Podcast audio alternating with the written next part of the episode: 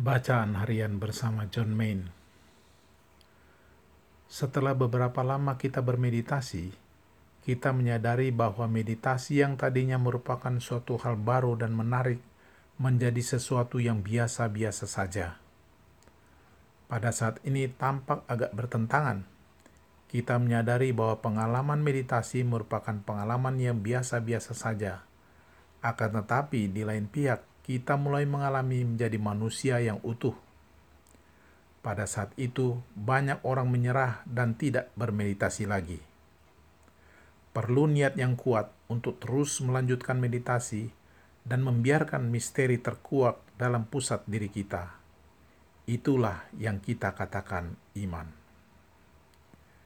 Gereja selalu mengajarkan bahwa iman adalah anugerah yang murni kekuatan yang memampukan kita untuk melangkah masuk ke pengalaman meditasi yang biasa-biasa saja, tetapi sepenuhnya merupakan pengalaman pribadi.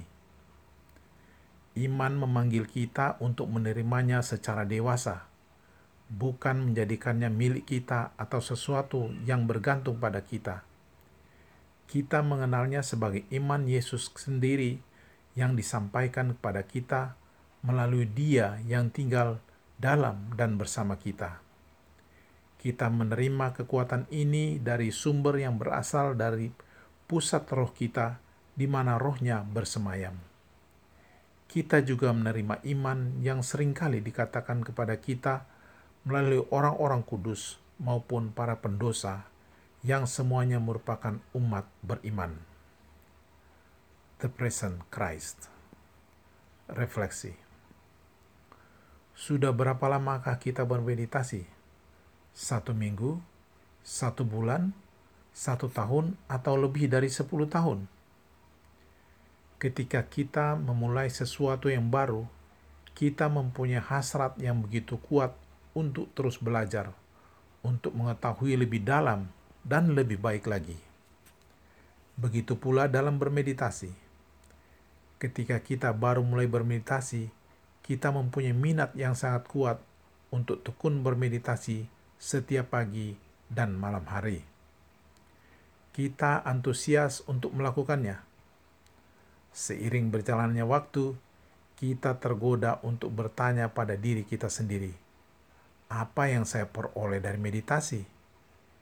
Meditasi ini begitu sederhana dan begitu biasa saja tidak ada hal istimewa yang saya rasakan atau alami.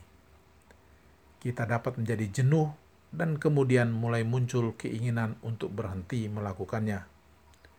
Di sini kita melupakan ajaran yang utama dalam meditasi, yaitu bahwa kita bermeditasi bukan untuk mendapatkan suatu pengalaman atau pencerahan. Kita bermeditasi untuk meletakkan semua pikiran, angan-angan, dan ego kita untuk masuk dalam hadirat Allah melalui jalan mantra.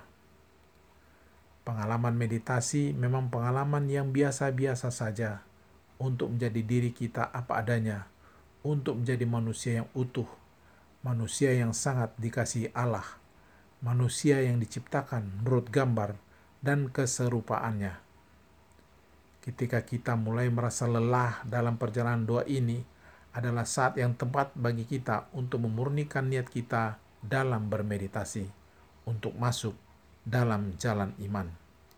Saat ini adalah saat bagi kita untuk masuk dalam keheningan ilahi, untuk membiarkan Yesus sendiri berdoa bersama kita, untuk membiarkan Ia bertahta dalam hati kita.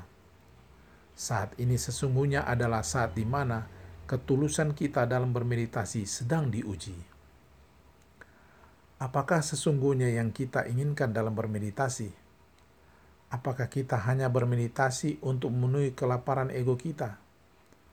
Apakah kita bermeditasi hanya untuk mendapatkan sesuatu?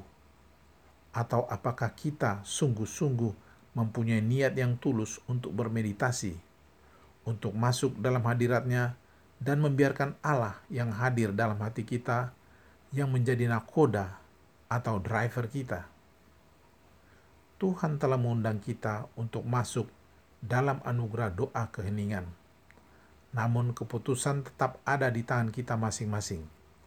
Apakah kita telah memutuskan untuk tetap tekun bermeditasi dalam untung dan malang? Dalam saat malam gelap jiwa? Dalam saat penuh pengharapan? Tuhan memberkati.